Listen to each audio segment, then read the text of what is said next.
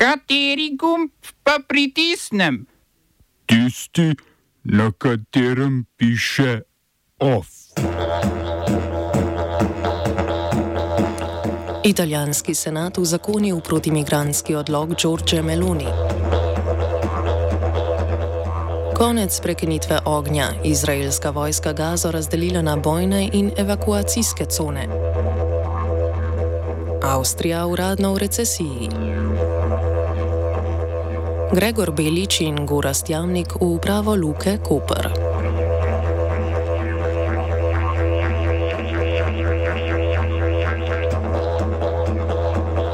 Izraelska vojska od jutra nadaljuje z bombardiranjem celotne Gaze, vključno z južnim delom, kamor je oktobra ukazala umik civilistom. Po trditvah Ministrstva za zdravje v Gazi je izraelska vojska v zračnih napadih ubila in ranila več ducatov ljudi. Prekinitev ognja med Izraelom in palestinskim Hamasom se je iztekla. Izraelska vojska je Hamas namreč obtožila kršitve dogovora in raketiranja izraelskih naselij zunaj Gaze. Izraelska vojska je dogovor sicer večkrat kršila, denimo s streljanjem na civiliste, ki so skušali doseči sever Gaze.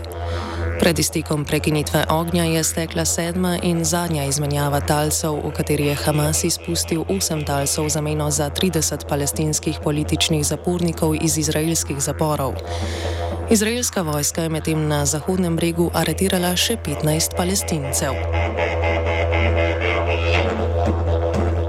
Izraelska vojska je po koncu prekinitve ognja objavila zemljevid, s katerim je okupirano gazo razdelila na več kot 2000 con označenih s številkami. Sporočajo, da bodo odslej vnaprej objavljali številke con, ki jih nameravajo napasti. Civiliste naj bi v svoji neizmerni milosti izraelska vojska tako opozarjala, kdaj in odkud naj se umaknejo. Kopensko ofenzivo izraelska vojska napoveduje tudi proti južnemu delu okupirane enklave.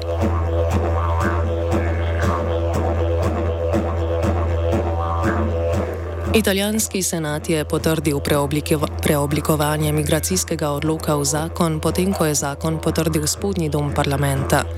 Zdaj v zakonjen odlok je premijejka Giorgia Meloni podpisala konec septembra. Po zakonu lahko oblasti mladoletne migrante, ki nimajo spremstva in so starejši od 16 let, za največ pet mesecev pridržijo v centri za odrasle. Če mladoletni imigranti nimajo dokumentov, po zakonu lahko zdaj preverjajo njihovo starost z rendenskim pregledom kosti. V sprejemnih centrih je septembrski odlog, ki je zdaj postal zakon, ukinil pravno svetovanje in jezikovne tečaje. Poleg tega zakon podvojuje dovoljeno število nastanitev v centrih za pridržanje imigrantov.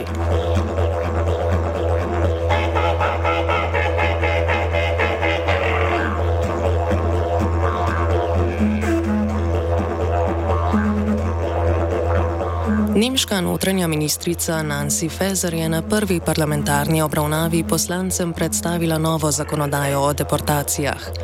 Zakonodaja, ki jo je vlada Olafa Šulca že potrdila, podaljšuje najdaljše trajanje pridržanja ljudi pred deportacijo z 10 na 28 dni, kar policiji daje več manevrskega prostora za izvedbo deportacije.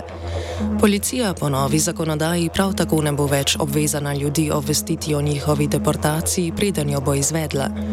Izjema so begunci, ki prihajajo z vojnih območij, imajo otroke ali resno bolezen. Za ugotavljanje identitete migrantov bo policija smela pregledovati telefone in računalnike ter preiskovati domove tretjih oseb.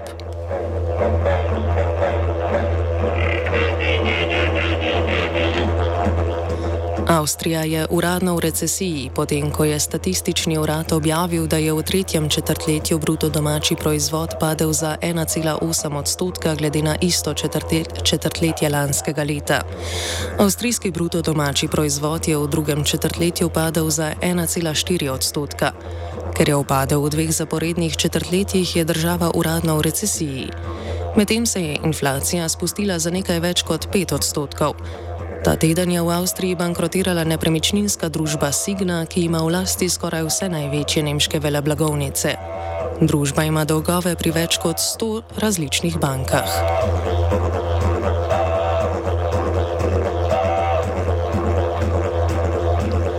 Madagaskarsko ustavno sodišče je potrdilo ponovno izvolitev Andrija Rajoviline za predsednika države. Zavrnilo je pritožbo drugouvrščenega kandidata Sitenija Randrijana Solonijajka, ki je volilno komisijo obtožil ponarejanja rezultatov volitev. Rajovilina je pred dvema tednoma volitve dobil skoraj 60 odstotkov glasov in tako osvojil svoj tretji predsedniški mandat. Prvič je na oblast prišel leta 2009 s državnim udarom. Po petih letih je odstopil, na to pa se je leta 2018 z volitvami vrnil na predsedniški položaj. Večina opozicijskih kandidatov je novembra pozvala k bojkotu volitev, potem ko je ustavno sodišče zavrnilo razveljavitev predsednikove kandidature. Opozicija je to zahtevala zaradi tega, ker ima predsednik poleg madagaskarskega še francosko državljanstvo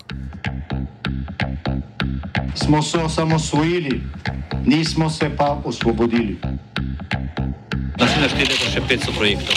Izpiljene modele, kako so se strani nekdanje LDS rotirali. Ko to dvoje zmešamo v pravilno zmes, dobimo zgodbo o uspehu.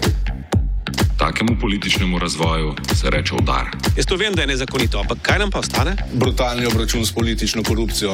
To je Slovenija, tukaj je naša zemlja! To je Slovenija! Slovenija! Premijer Robert Kolop je v državni zbor poslal imeni kandidatov za ministra za javno upravo ter za naravne vire in prostor. Golub za ministra za javno upravo predlaga poslanca Gibanja Svoboda Franca Propsa, za ministra za naravne vire in prostor pa državnega sekretarja Jožeta Novaka. Drugi je na ministrstvo prišel potem, ko ga je začasno prevzela infrastrukturna ministrica Alenka Bratušek. Kandidata za kmetijskega ministra Golub še ni predlagal. Zaslišanja kandidatov v parlamentu bodo predvidoma naslednji teden.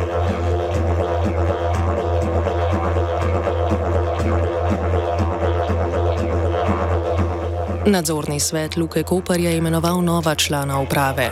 Petletni mandat bosta s 1. januarjem začela Gregor Belič in Gorast Jamnik. Nevenka Kržan, ki je po julijskem odstopu Boštjana Napasta postala začasna predsednica uprave, ostaja na položaju. Prav tako delovski direktor ostaja Vojko Rotar. Gregor Belič je od leta 2008 v Luki Koper vodil terminal za avtomobile. Gorast Jamnik pa je regionalni menedžer zavarovalnice Triglav za Hrvaško, Bosno in Hercegovino ter Severno Makedonijo. Gorast je tudi brat Boruta Jamnika, predsednika uprave državne SID banke. Pri glasovanju o imenovanju Gorazda Jamnika so bili glasovi v nadzornem svetu izenačeni in je odločil šele dvojni glas Mirka Bandlja, predsednika nadzornega sveta. Predstavnik delavcev v nadzornem svetu in sindikalist Mladen Jovičič trdi, da gre pri imenovanju Gorazda Jamnika v upravo za nepotizem.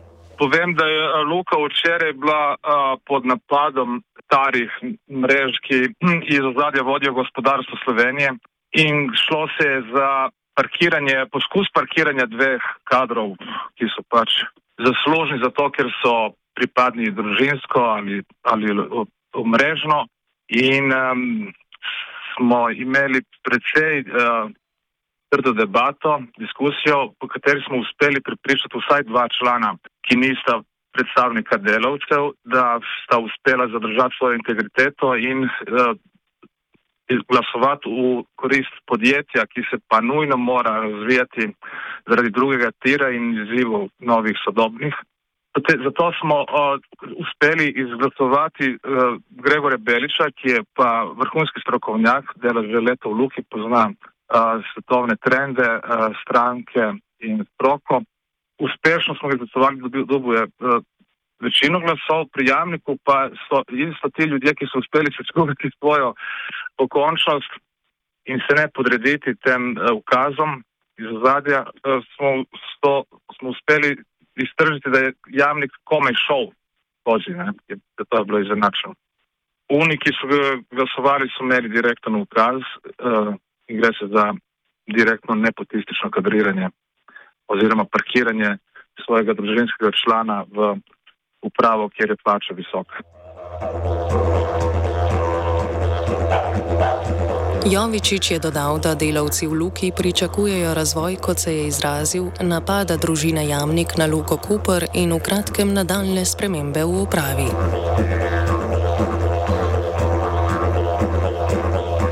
Vlada je sprejela sklep o izvedbi državnega prostorskega načrta za polje veternih elektrarn na območju Griže Veliko polje v občini Sežana. Na tem območju zasebni investitorji nameravajo zgraditi 14 veternih elektrarn s skupno močjo do 4,2 MW. Gradnjo bi izvedli podjetji AAE Gamit in AAE Ventur, ki sta postavili že veternico pri bližnji doleni vasi. V lokalni skupnosti gradni veternic nasprotujejo zaradi bližine naselji in posegov v Kraško krajino. OF je pripravil Matej.